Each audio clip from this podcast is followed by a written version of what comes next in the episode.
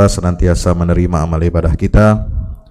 Dan mudah-mudahan dengan kumpulnya kita di majelis ilmu mudah-mudahan kita semuanya mendapatkan kemuliaan dan keistimewaan dari Allah Subhanahu wa taala dengan turunnya rahmat dengan turunnya sakinah dengan kita dinaungi oleh para malaikat dan kita dibangga-banggakan oleh malaikat di hadapan Allah Subhanahu di hadapan Allah Subhanahu wa taala.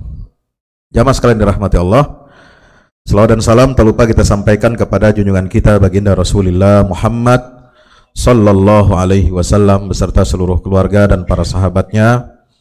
Mudah-mudahan juga tercurah kepada kita semua pengikutnya hingga yaumil qiyamah. Mari kita sama-sama mengucapkan Allahumma salli ala Muhammad wa ala ali Muhammad. Salatu wassalamu alaika ya Rasulullah. Bapak Ibu yang dirahmati Allah Subhanahu wa taala, jamaah sekalian, uh, salah satu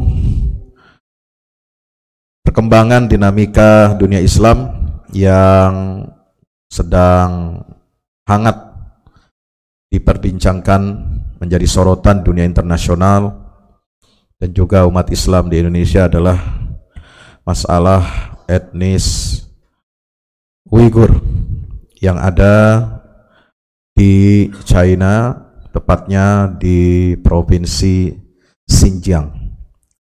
Si rakyat Tiongkok yang jumlahnya hampir sudah mungkin sudah lebih ya 2 miliar berarti kalau 20 juta itu berapa persen Hah?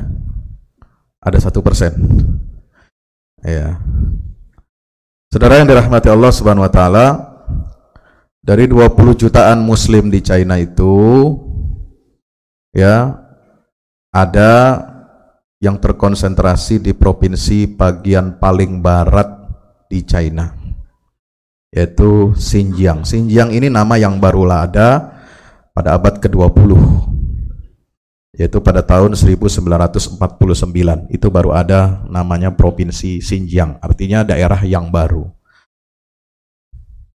Sebelumnya wilayah itu dikenal dengan wilayah Turkistan Timur.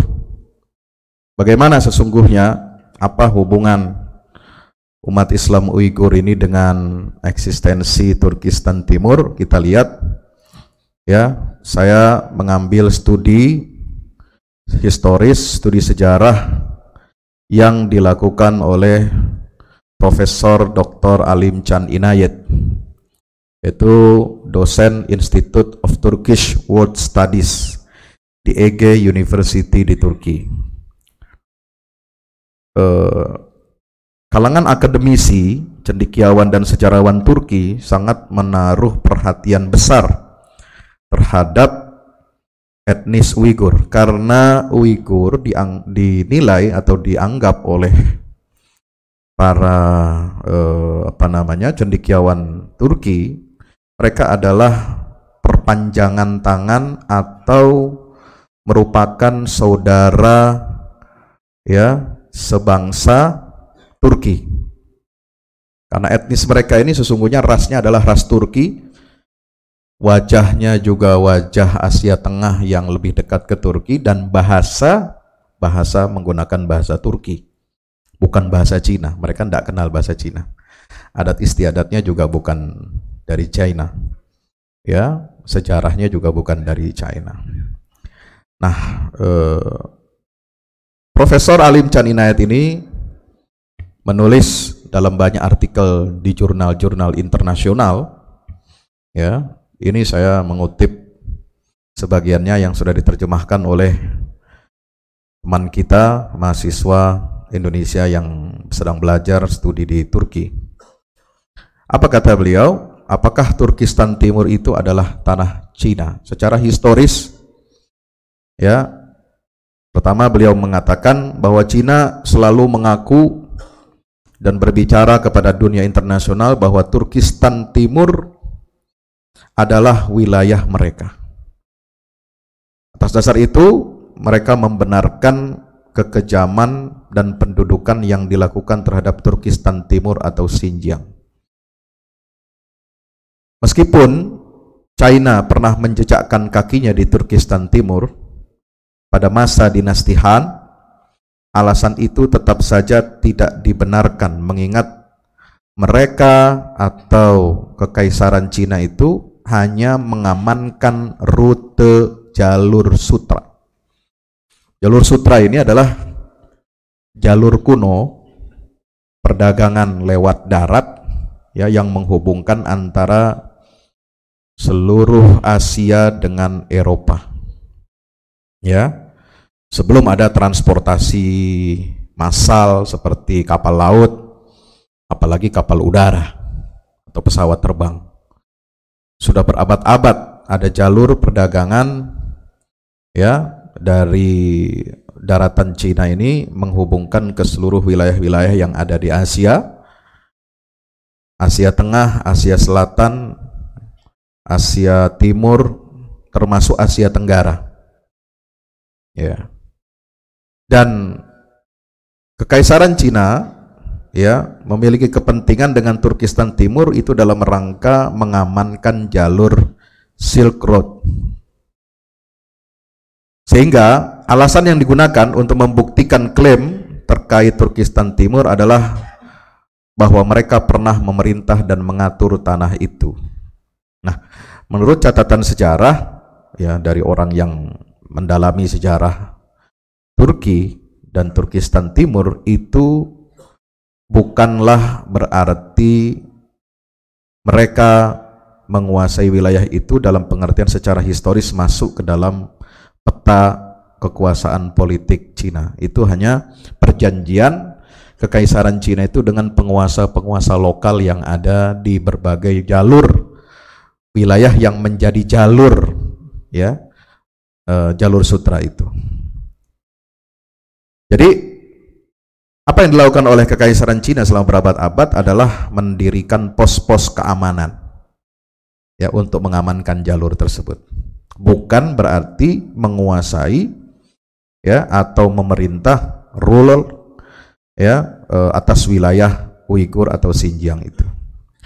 Baru setelah pada tahun ya 751 Masehi Cina akhirnya meninggalkan Turkistan Timur hingga 1000 tahun ke depan. Ya, sehingga kata beliau tidak ada satu bukti apa pun yang dapat digunakan oleh China untuk mengklaim wilayah Turkistan Timur.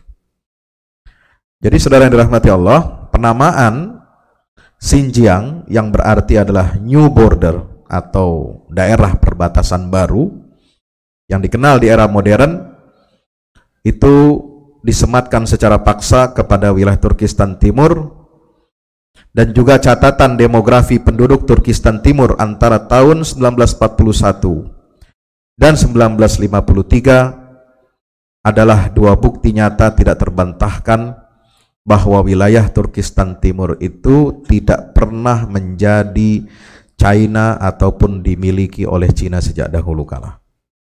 Jadi ada catatan statistik ya bahwa penghuni wilayah Xinjiang yang sekarang dinamakan Xinjiang itu 85% dihuni oleh etnis Uighur dan mereka memiliki entitas sendiri. Eksistensi politik, sosial, ekonomi dan kebudayaan yang sudah berjalan selama ribuan tahun. Nah, jumlah penduduk Cina ya yang merupakan suku Han, suku mayoritas di China itu di Turkistan Timur yang ada pada tahun-tahun tersebut antara 1941 dan 1953 itu hanya 5 sampai 6% dari keseluruhan penduduk. Ya. Kenapa demikian? Itu dicatat oleh Profesor Alim Chad. Mereka itu sebenarnya hanyalah keluarga dari tentara kolonial Cina serta bukan tinggal dan menetap sejak dahulu atau sejak ratusan tahun sebelumnya, tidak.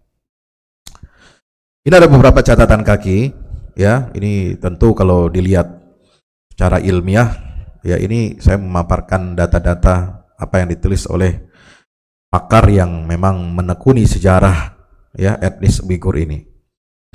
Uh, selama seribu tahun, ya Cina menganggap itu bukan wilayahnya, dan apa yang mereka lakukan di situ sebagai membangun pos-pos keamanan itu adalah dengan memberikan hadiah-hadiah ya oleh penguasa Cina kepada penguasa-penguasa negara bangsa Turk seperti membayar upeti, memberikan hadiah untuk memperkuat hubungan antara kekaisaran Cina dengan wilayah yang mereka tempatkan pos-pos keamanan untuk mengamankan jalur perdagangan Cina itu ke dunia luar. Ya. Itu itu sebagai bentuk hubungan diplomasi dan bukan bentuk wilayah penjajahan atau penguasaan atas wilayah tersebut. Nah, hadirin yang dirahmati Allah Subhanahu wa taala. Bagaimana sesungguhnya identitas kebangsaan dari suku atau etnis Uighur Turk? Ya. Bahwasanya tidak ada keraguan sedikit pun bangsa Uighur yang bertempat tinggal di wilayah Turkistan Timur itu adalah bangsa Turki secara etnis maupun kultural. Ya. Jadi secara etnis, etnologi, ilmu yang membahas tentang suku-suku yang ada di dunia, asal muasalnya dan kulturnya itu memang Uighur ini adalah merupakan bangsa Turki. Ya, jadi bangsa Turki itu memang ada berdiaspora di banyak wilayah dan tempat sama seperti suku atau etnis Kurdi. Kurdistan itu eksistensinya mirip dengan Uighur, Turkistan. Jadi Kurdistan itu menyebar ada di wilayah Irak, ada di Suria, ada di Turki, ada di Asia Tengah, ya, dan mereka tidak memiliki satu negara yang uh, jelas batasan-batasan wilayahnya. Mereka masuk dalam beberapa negara. Nah ini yang menyebabkan sesungguhnya persoalan dekolonisasi, ya, persoalan yang ditinggalkan oleh peradaban modern Salah satunya adalah ketidakjelasan batasan demografi, ya, kemudian geografis serta masalah integrasi suku dan etnis itu ke dalam setiap negara masing-masing. Jadi ini masalah laten. Bapak Ibu yang dirahmati Allah Subhanahu wa taala. Kalau kita lihat di situ disebutkan ya, suku bangsa etnis Turk Uighur itu adalah merupakan bagian dari apa yang disebut di dalam prasasti Orkhon yaitu Dokus Ogus Benim Kavmim Idi sesungguhnya 9 Ogus itu merupakan representasi bangsa. Dari situ semakin jelas bahwa 9 Ogus yang dimaksud itu adalah Turk Uighur. Ya. Ini secara kesejarahan. Banyak tulisan di antaranya dalam buku kuno yang berjudul Divanu Lugati Turk karya Mahmud Kasgarli Beliau menyatakan berbagai hal dan bukti otentik yang menyatakan bahwa Uyghur adalah bangsa dan beretnis Turki. Tapi ini semua ditolak oleh China. Ya. Dan bukti otentik historis itu fakta ilmiah itu tidak pernah diakui dan dianggap tidak pernah ada. Ya. Apa alasannya? Sebab tidak ada yang namanya Turk nation atau istilah Turk di dunia ini. Dan di sinilah Cina menolak identitas Turki bagi etnis Uighur. Dan Cina secara tegas menolak keras istilah Turkistan Timur karena dianggap istilah itu adalah istilah yang politis dan kepentingan mereka akan terganggu karena ini persoalan sejak zaman klasik sampai modern untuk mengamankan apalagi setelah RRC di abad sekarang ini setelah uh, sebelum satu dasawarsa terakhir ini hendak menghidupkan kembali jalur sutra dengan proyek besar obor One Belt One Road. Dengan cara apa? Menanam investasi di negara-negara yang dilalui oleh jalur sutra untuk mengamankan jalur perdagangan dunia yang dikelola oleh Cina. Nah, ini persoalan obor ini menjadi persoalan nanti bagi masing-masing kedaulatan negara-negara yang dilalui oleh jalur sutra itu. Nah, karena Cina juga memiliki ambisi kepentingan untuk merebut kejayaan kembali masa lalunya ya kekaisaran Cina yang menguasai jalur sutra itu jalur tradisional untuk kepentingan negaranya yang memiliki jumlah penduduk 2 miliar kan memang susah kita ngelola penduduk 200 juta saja ya. Uh, susah betul untuk memenuhi kebutuhan sandang pangan dan papannya apalagi ini 2 miliar. Maka mereka harus menginvestasikan sumber dayanya ke berbagai macam negara dunia ini untuk mengamankan kepentingan nasional Cina. Termasuk investasi ya ke jalur-jalur ke negara-negara di sekitar China dan Afrika termasuk ke ASEAN, Asia Tenggara untuk mengamankan suplai pasokan makanan, minuman, energi dan lain sebagainya bagi 2 miliar penduduk mereka.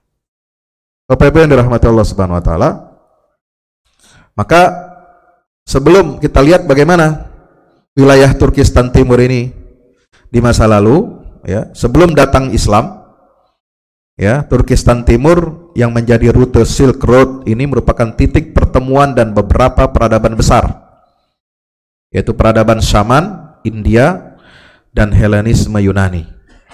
Kemudian pada abad 10, peradaban Islam menguat di wilayah ini, menjadikan Uighur sebagai titik pertemuan peradaban Islam, Buddha, dan Barat, yaitu Kristen.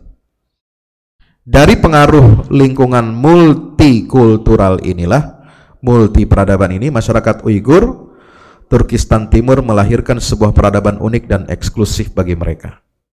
Akhirnya, Uighur di Turkistan menjadi sumber dan dasar dari kebudayaan nasional Turki, baik itu bahasa, agama, literatur, dan kesenian.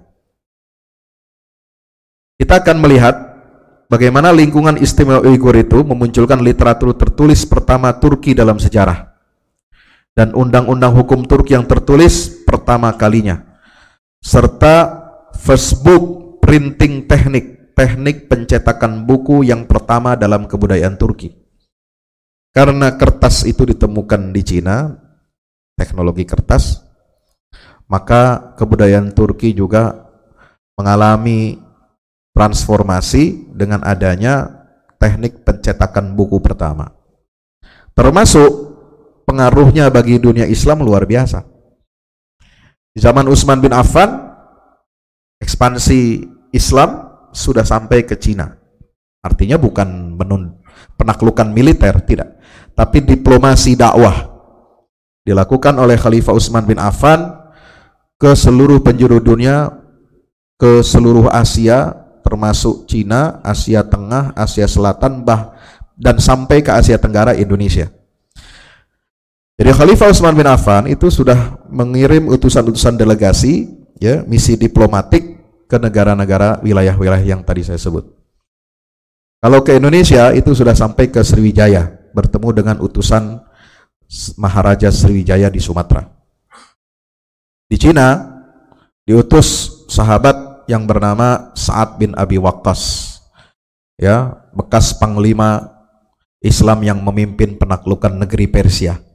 Karena dari Persia itu sudah beberapa langkah lagi sampai ke Asia Tengah lalu masuk ke Cina. Nah, saat Abi Waqqas memimpin misi diplomatik Khulafaur Rasyidin di zaman itu untuk menjalin hubungan baik dengan kekaisaran Cina. Dan diberikan jalan kepada beliau kebebasan untuk berdakwah di Asia Tengah ya termasuk di wilayah Uighur sekarang ini. Sehingga mereka adalah bangsa muslim salah satu bangsa muslim yang tertua di dunia dan oleh sebab itu, teknologi kertas kemudian bisa ditransfer ke Madinah.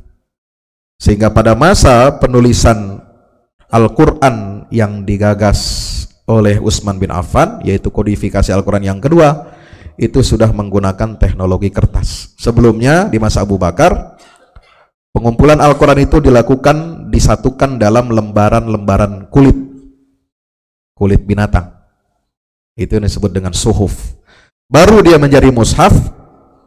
Ya, di antaranya mushaf tertua Utsman itu yang ditemukan ada bercak darah saat beliau dibunuh. Ya, itu sudah menggunakan teknologi kertas. Kenapa? Karena hubungan dunia Islam dengan Cina sudah terjalin dan sudah ada transfer teknologi penulisan di atas kertas pada masa itu. Bapak Ibu yang dirahmati Allah Subhanahu wa taala.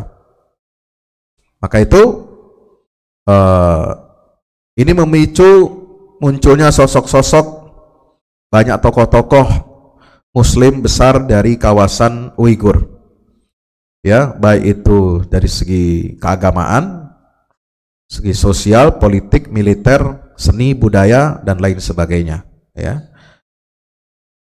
Nah, kita lihat di sini misalnya hubungan historis antara apa namanya bangsa muslim Uighur dengan kekhalifahan Turki Utsmani. Ya, ini ada penggalan film ya, film sejarah historik yang menggambarkan kehidupan ya Sultan Abdul Hamid II dari Turki. Lihat terjemahannya, karena ini bahasa Turki kita nggak bisa. Ya. Ngomongnya kayak kumur-kumur. Harbi kazansak da kaybetsek de feda ettiklerimiz canımızı yakıyor. Bazen diyorum ki keşke şehadet kuşuyla biz gitseydik. Harp meydanında Allah yolunda kılıç sallayanlardan olsaydık. Harp meydanının tozunu yutsaydık. O toz öyle bir toz ki paşa. Dünyanın kirini pasını kapatır. Sonra da kabir toprağıyla buluşur. Allah geçinden versin hünkâr. Şehit olmamızı istemez misin paşa? Hünkâr, siz öyle çetin harpler veriyorsunuz ki. Allah muhafaza. Belki yatağınızda bile vefat etseniz şehit sevabı alacaksınız inşallah.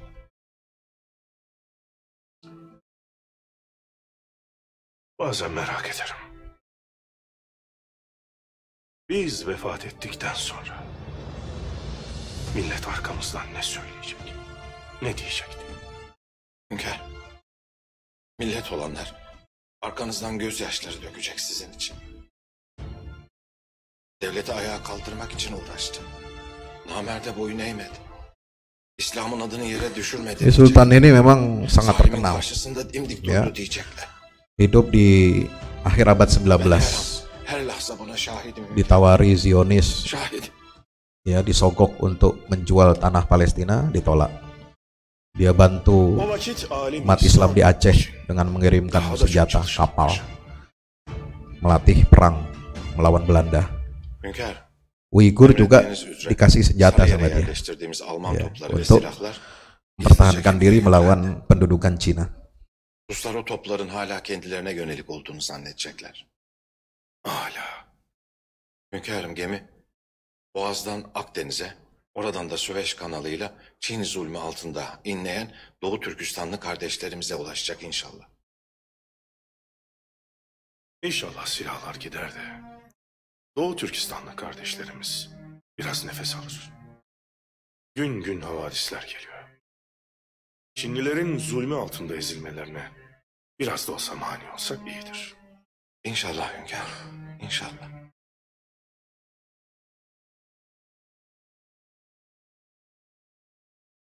Babali bir gemi kiralamış. Ne gemisi? Okyanus şartlarına uygun bir gemi. Sarıyer'den yüklenmiş. Kaptan bizim adamımız. Dediğine göre yük silahmış. Hem de Alman nişanlı sandıkları yüklenmiş. Nereye gidiyor silahlar? Doğu Türkistan. Büyük Halife Abdülhamid Çin'deki Müslümanlara silah gönderiyor demek ki. Almanlarla yaptığı bunca pazarlık Türkistan'a silah göndermek için miymiş? Belki de silah Turki dan Jerman memang sekutu lama. Milletin malını satıp Perang Dunia Satu koalisi dengan Turki. ya, Jerman itu ya. Tapi kalah perang. Akhirnya wilayah Jerman itu diambil sebagian besar wilayahnya pada negara-negara yang menang perang. Sama dengan Turki. Dibagi-bagi wilayahnya oleh Inggris dan Prancis yang menang perang. Kaptana söyle direnmesin. Gazeteciler de gemiye çıksın. Yüklerin silah olduğuna dair haberler yapılsın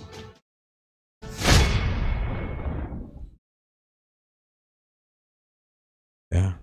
Bapak Ibu yang dirahmati Allah, sehingga uh, memang hubungannya ini sangat uh, lama sekali ya. dan bangsa Turki menganggap Uighur itu adalah bagian dari mereka, bahasa, budayanya dan sebagainya. Seribu tahun ya lamanya bangsa Turki menganut hidup nomaden berpindah-pindah. Tapi kemudian dia menetap dan melahirkan budaya yang luar biasa. Ya, tidak men, tidak menolak budaya asing dan dalam fakta sejarahnya wilayah Turkistan Timur itu seperti kota Hotan, Kucha menjadi pusat aktivitas penyebaran agama Buddha. Ya, jadi meskipun mereka muslim mayoritas tetapi mereka tetap mengembangun budaya toleransi, tidak mengganggu umat beragama yang lainnya. Dan apalagi jalur sutra itu adalah merupakan jalur internasional. Ya. Pertemuan dari berbagai macam budaya, suku, bangsa itu melewati wilayah Turkistan Timur ini. Saudara yang dirahmati Allah Subhanahu wa taala, uh, ini tulisan tentang sejarah Muslim Uighur ya, itu sudah banyak ditulis oleh Profesor Alim Chan Inayat ya, dengan dan disampaikan di banyak simposium internasional. Judulnya adalah Hurdogui Turkistan, bebaskan Turkistan Timur. Ya. Dan pernah digelar pada tahun 2010 di Istanbul yaitu akar sejarah Uighur human right dan kondisi Uighur, resistensi Cina dan sikap di internasional, serta gagasan solusi untuk Uighur Turkistan Timur. Ya, ini sudah banyak tulisan-tulisan beliau. Oleh sebab itu, sebagai uh, lihat di sini pemerintahan Turuk Uighur di Turkistan Timur itu sudah mengalami beberapa fase. Ya, di tahun 856 Masehi didirikan ya suatu negara yang namanya Idikut Uighur Devleti yaitu negara Uighur Timur ya sejak 856 Masehi hingga melebur di bawah kepemimpinan Imperium Mongol abad ke-13 Masehi. Kemudian dari abad ke-10 sampai 13 ada yang disebut dengan Karahanli Devleti didirikan oleh Bilge Kul Kadir Khan Negara ini merupakan negara Islam bangsa Turk pertama dari Uighur ketika raja saat itu yang bernama Satuk Bugrahan masuk Islam. Ya, ini abad ke-13. Dan negara ini runtuh lantaran serangan dari negara Kirahatai di abad ke-13 Masehi. Lalu berubah lagi menjadi Chagatai Devleti. Dipimpin oleh Chagatai Han, putra kedua dari Emperor Mongolia Genghis Khan dan dilanjutkan oleh keturunannya hingga akhirnya kolaps dan sirna di abad ke-15. Kemudian ada yang disebut dengan The Khanat of Saidiyah Yarken didirikan oleh Said Khan di mana dia adalah keturunan dari Timur Leng. Timur Leng ini seorang pemimpin panglima perang ya eh, dari keturunan Cina Timur Leng pada abad ke-16 dan bertahan hingga abad ke-17 Masehi. Timur Leng itu dulu tahun 1400 Masehi pernah mengalangkan dinasti Ottoman. Sebelum Ottoman menjadi kekaisaran dunia, waktu dia masih berpusat di Asia Kecil, itu pernah Sultan Bayazid satu, Sultan Ottoman itu dikalahkan oleh Timur Leng dan dipermalukan, ya, dipermalukan. Nah, waktu itu Ottoman Turki belum menjadi penguasa dunia, belum merebut Konstantinopel tahun 1453.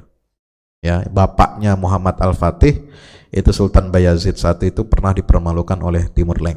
Ini uh, panglima militer yang sangat kuat, seorang muslim. Ya, keturunan Mongol, ya. Anak cucu keturunan dari Genghis Khan, ya. Kemudian bentuk negara yang kelima ini berjalan selama 77 tahun yaitu Hokalar Unitimi yang mana dia Hokalar ini mengambil alih kekuasaan dari tangan Sidi Hanligi pada abad 17 dan akhirnya memerintah selama 77 tahun lamanya. Kemudian yang keenam periode Kasgar Hanligi. Tahun 1868 sampai 1877 dibentuk oleh Yakub Bek pada tahun 1868 selama memimpin selama 10 tahun lalu menjadi wilayah dari bagian dari kekhalifahan Utsmaniyah atas permintaan Yakub Bey dan disetujui oleh Khalifah Utsmani yaitu yang bernama Sultan Abdul Aziz Ya, Sultan Abdul Aziz ini ya memerintah ya sebelum Sultan Abdul Hamid II. Pasca wafatnya Sultan Yakub Bek pada tahun 1977, Cina menyerang dan menjajah Turkistan Timur berlanjut sampai tahun 1879 Masehi. Lalu kemudian di, di abad 20 berdiri suatu republik namanya Dogu Turkistan Islam Cumhuriyeti yaitu Republik Islam Turkistan Timur didirikan pada tahun 1933 setelah berhasilnya perjuangan kemerdekaan nasional dilangsungkan dan menjadi presiden pertama adalah Hokanias Haji. Jadi setelah runtuhnya kehalifan Turki, ya mereka membuat Jumhuriyat atau Republik Islam tersendiri yaitu Turkistan Timur tahun 33 Masehi. Negara ini kemudian kolaps setelah serangan koalisi Cina Rusia pada tahun 1943. Jadi hanya berjalan 10 tahun. Tapi dia sudah menjadi negara republik tersendiri. Lalu kemudian tahun 44 sampai 49 berdiri lagi negara Republik Turkistan Timur. Pada tanggal 12 November 1944 presiden pertama adalah Alihan Tore Lalu kemudian negara ini kolaps karena penjajahan komunis Cina pada tahun 1949. Bapak Ibu yang dirahmati Allah, apa yang terjadi menjadi pembincangan hangat di dunia saat ini mengenai Turkistan Timur atau yang dinamakan China sebagai Xinjiang atau Uyghur ini sebenarnya berakar dari penjajahan dan kolonialisme Cina ya pada abad ke-19 atas wilayah itu jadi ini problem dekolonisasi dunia Islam.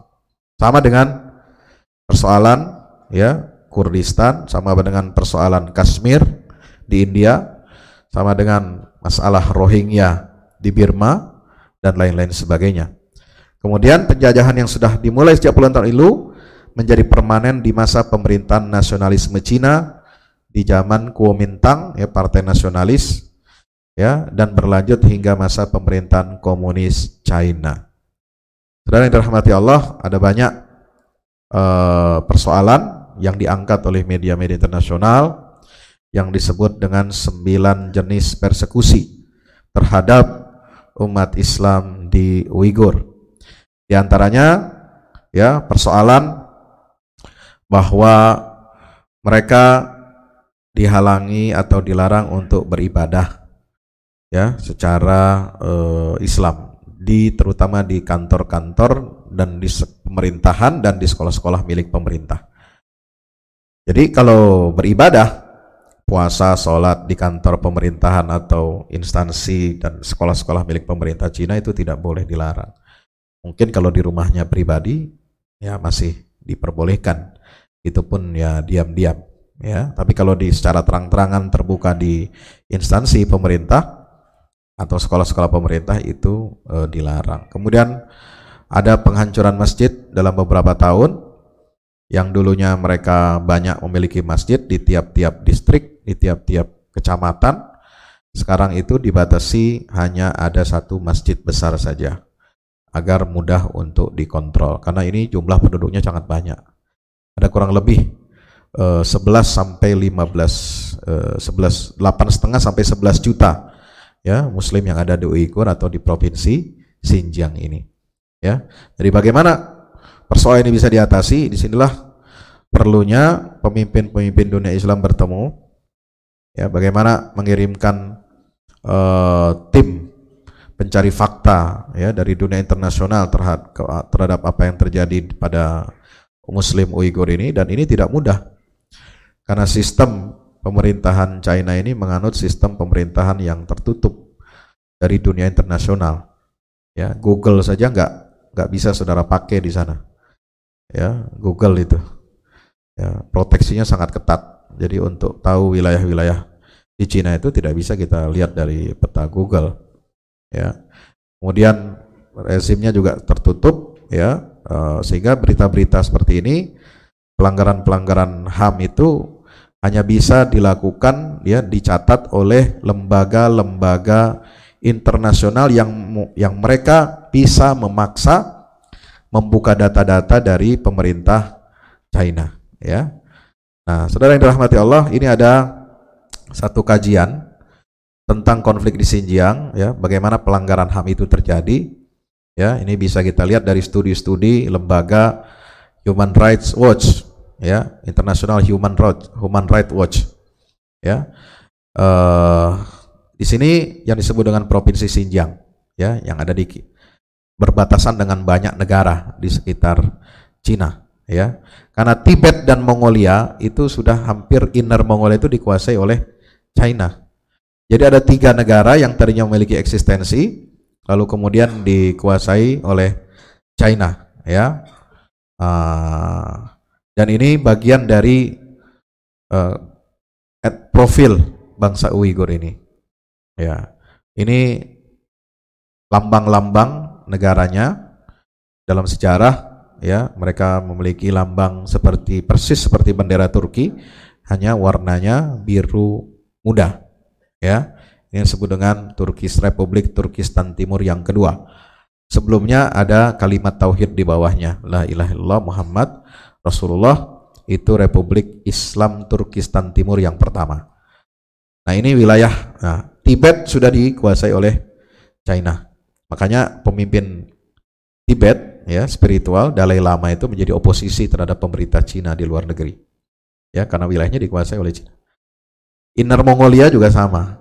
Ya, karena Mongolia itu juga negara besar tapi innernya itu dikuasai oleh China. Termasuk yang beragama Islam di Turkistan itu juga secara politik dikuasai oleh China. Nah, Uighur dan Morintan Cina adalah hubungan yang cukup pelik. Dan kita lihat di sini bagaimana pelanggaran HAM itu terjadi ya mulai tahun 1949 timelinenya 1955 lalu tahun 1970 lalu kemudian setelah pasca eh, demonstrasi besar di lapangan Tiananmen ya Anda tahu itu ada tragedi Tiananmen tahun 89 ya eh, tuntutan pro demokrasi salah satu penggerak utamanya adalah pemuda muslim asli Uighur yaitu uh, Devlet Koresh ya yang sekarang tinggal di pengasingan. Makanya setelah itu represif pemerintah Cina represif sekali terhadap Muslim Uighur karena dianggap terlibat menjadi penggerak motor utama dalam peristiwa Tiananmen ya. Maka dia menggunakan apa? kebijakan strike hard ya, serangan keras ya, eh, kampanye yang dilakukan oleh eh, China ini sehingga memicu pelanggaran HAM dan diskriminasi sampai sekarang. Ya, Bapak Ibu yang dirahmati Allah ini adalah sebagian gambar-gambar ya kam-kam konsentrasi ya bagi warga muslim Uighur yang diklaim sebagai kam untuk mereedukasi. Kalau kita bahasanya mungkin deradikalisasi supaya orang tidak jadi radikal. Ya, e, tidak memimpikan kembali kepada rep, bentuk Republik Turkistan Timur. Ya di, di ada reorientasi ulang ya. Dipaksa untuk menerima sistem pemerintahan komunis China ya. Dan ini kita lihat ini catatan-catatan pelanggaran HAM ya dilakukan oleh pemerintah Cina di Xinjiang ya ini catatan resmi dari Human Rights Watch ya pertama adalah pelanggaran kebebasan beragama berkumpul dan berpendapat hambatan atas pendidikan, diskriminasi dan hukuman mati terhadap tahanan politik. Kemudian keberadaan sekolah Islam, masjid dan imam dikontrol secara ketat. Para imam masjid diharuskan ya berdiri di sisi pemerintah dan menyatakan pendapatnya dengan tidak samar-samar. Sejak tahun 1995 sampai 1999, pemerintah telah meruntuhkan 70 tempat ibadah serta mencabut surat izin 44 imam. Ya menerapkan larangan ibadah perseorangan di tempat-tempat milik negara. Itu yang saya katakan tadi, pelang, pelang, ini diskriminasi betul. Ya, milik negara, larangan itu mencakup larangan sholat, puasa, Ramadan di kantor atau sekolah milik negara. Jadi kalau saudara ada yang sekolah di sekolah negeri, ketahuan dia berpuasa atau dia sholat, ibadah e, perseorangan ini maka itu dilarang ya. Kepemilikan Al-Quran bisa dihukum. dan pihak keamanan melakukan razia secara rutin terhadap penerbitan ilegal serta bahan-bahan agama yang ilegal. Diskriminasi terjadi di sekolah-sekolah dan asrama-asrama diperiksa agar tidak ada yang melakukan sembahyang atau bentuk ibadah lainnya. Di bidang tenaga kerja, bisnis dan pemerintahan, orang muslim sering dihambat dari jabatan tinggi. Selain itu, kebijakan keluarga berencana Tiongkok juga diklaim menguntungkan suku Han yang memiliki tingkat pertumbuhan populasi 31,6 persen lebih tinggi dibanding suku-suku lain yang maksimal hanya 15,9 persen. Menurut Amnesty International, Xinjiang adalah satu-satunya provinsi di Tiongkok yang mengizinkan hukuman mati terhadap tahanan politik dan jumlah tepat korban hukum mati ini dirahasiakan oleh negara. Namun menurut uh, gerakan kemerdekaan Turkistan, jumlah korban tewas akibat hukuman mati atau penyiksaan mencapai 2.500 dari tahun 99 sampai 2000. Dan terbaru rilis tahun 2018 Amnesty International mencatat ada penahanan sekitar 1 juta warga Uighur di Cina di Xinjiang maksud saya ya yaitu masuk ke dalam kem-kem konsentrasi. Saudara yang dirahmati Allah, ini persoalan yang dihadapi dan memang eh, ada persoalan ekonomi juga karena ini menyimpan cadangan ya kekayaan alam yang sangat besar ya yang ada di China. Jadi ini memang sudah bercampur dengan persoalan ekonomi juga ya persoalan sosial, politik, lalu apa yang disebut dengan pembersihan etnis itu ini sudah berkelindan dengan persoalan ekonomi ya karena resource natural resource yang ada di Xinjiang itu ya terdapat cadangan 30 miliar ton cadangan petroleum dan gas alam ya yang mencakup 25% dari total uh, kekayaan alam yang ada di China. Maka sebab itu ini persoalan tidak uh, tidak mudah untuk diurai. Tetapi umat Islam ini harus konsisten ya untuk apa? Menuntut pemerintah Cina memberikan kelonggaran, kebebasan beragama. Kalau Anda ingin berbaik-baik terhadap umat Islam di sana supaya tidak me, apa, e, memicu e, sentimen melepaskan diri atau kemerdekaan seperti yang pernah terjadi di Indonesia ya dengan misalnya penyelesaian konflik Aceh maka diperlukan apa? Otonomi yang luas. Otonomi luas di Aceh berhasil meredam ya eh, apa namanya cita-cita Aceh merdeka. Nah ini juga yang diharapkan bisa terjadi di China bagaimana pertama kita harus membangun solidaritas kemanusiaan internasional memberikan bantuan perlindungan terhadap etnik Uighur yang melarikan diri ke negara-negara perbatasan. Termasuk di Turki itu cukup banyak pelarian ya, tokoh-tokoh ataupun masyarakat biasa sipil yang lari ke Turki dan mereka e, menjadi pengungsi yang di yang kemudian bekerja dan hidup di Turki. Lalu membawa kasus pelanggaran itu ke peradilan internasional. Dan Indonesia ya bisa melakukan jalur track soft diplomasi dengan pendekatan dialog antar negara sahabat. Dan bisa masuk juga melalui pintu diplomasi Turki. Karena Turki ini yang sangat disegani di dunia internasional dan hubungan Turki dengan Rusia juga sedang bagus dan Rusia bisa menekan China melalui diplomasi Turki ya jadi saya kira ini persoalan yang harus kita selesaikan bersama-sama. Dan ada usulan kita menjauhi penyebaran wacana kemerdekaan Turkistan Timur karena ini akan menambah potensi konflik ya di sana. Karena e, wacana kemerdekaan tentu saja itu menjadi momok yang menakutkan bagi semua negara, bukan hanya Cina, Indonesia juga khawatir ya kalau isu-isu separatisme ini lalu dijadikan bahan oleh dunia internasional. Seperti Papua, ya di mana Australia, Amerika mendukung kemerdekaan Papua, ya uh, atau Maluku, RMS dan lain sebagainya itu menjadi pintu masuk intervensi dunia internasional. Nah, sehingga Indonesia sebagai mayoritas Muslim terbesar di dunia harus berhati-hati dengan wacana eh, kemerdekaan Turkistan Timur. Ya kita menghargai aspirasi ya kawan-kawan umat Islam di sana yang menginginkan hal tersebut, tapi itu tidak mudah. Jalurnya sangat-sangat berbahaya juga bagi eh, apa namanya stabilitas dunia internasional. Tetapi yang bisa kita lakukan adalah melakukan eh, diplomasi, ya, kemudian solidaritas kemanusiaan internasional dan pelanggaran itu harus diselesaikan oleh pengadilan hukum, pengadilan internasional. Ini yang dapat saya sampaikan, mudah-mudahan bermanfaat bagi kita semuanya agar kita bisa mengenal lebih dekat tentang sejarah ya muslim yang ada di Uighur. Ya. Dan terakhir hadirin yang dirahmati Allah Subhanahu wa taala, eh, ini beberapa ada ungkapan ya tanda terima kasih Dari, eh, seorang warga muslim yang ada di brothers di and Turki. sisters, thank you so much. Thanks for your support. Such a beautiful and day, such a beautiful and Friday. Thanks for your beautiful support as well as your beautiful dua. Your action, your support are remembered by the Uyghur people and also is recorded by Uyghur history as well. For your information, in East Turkestan,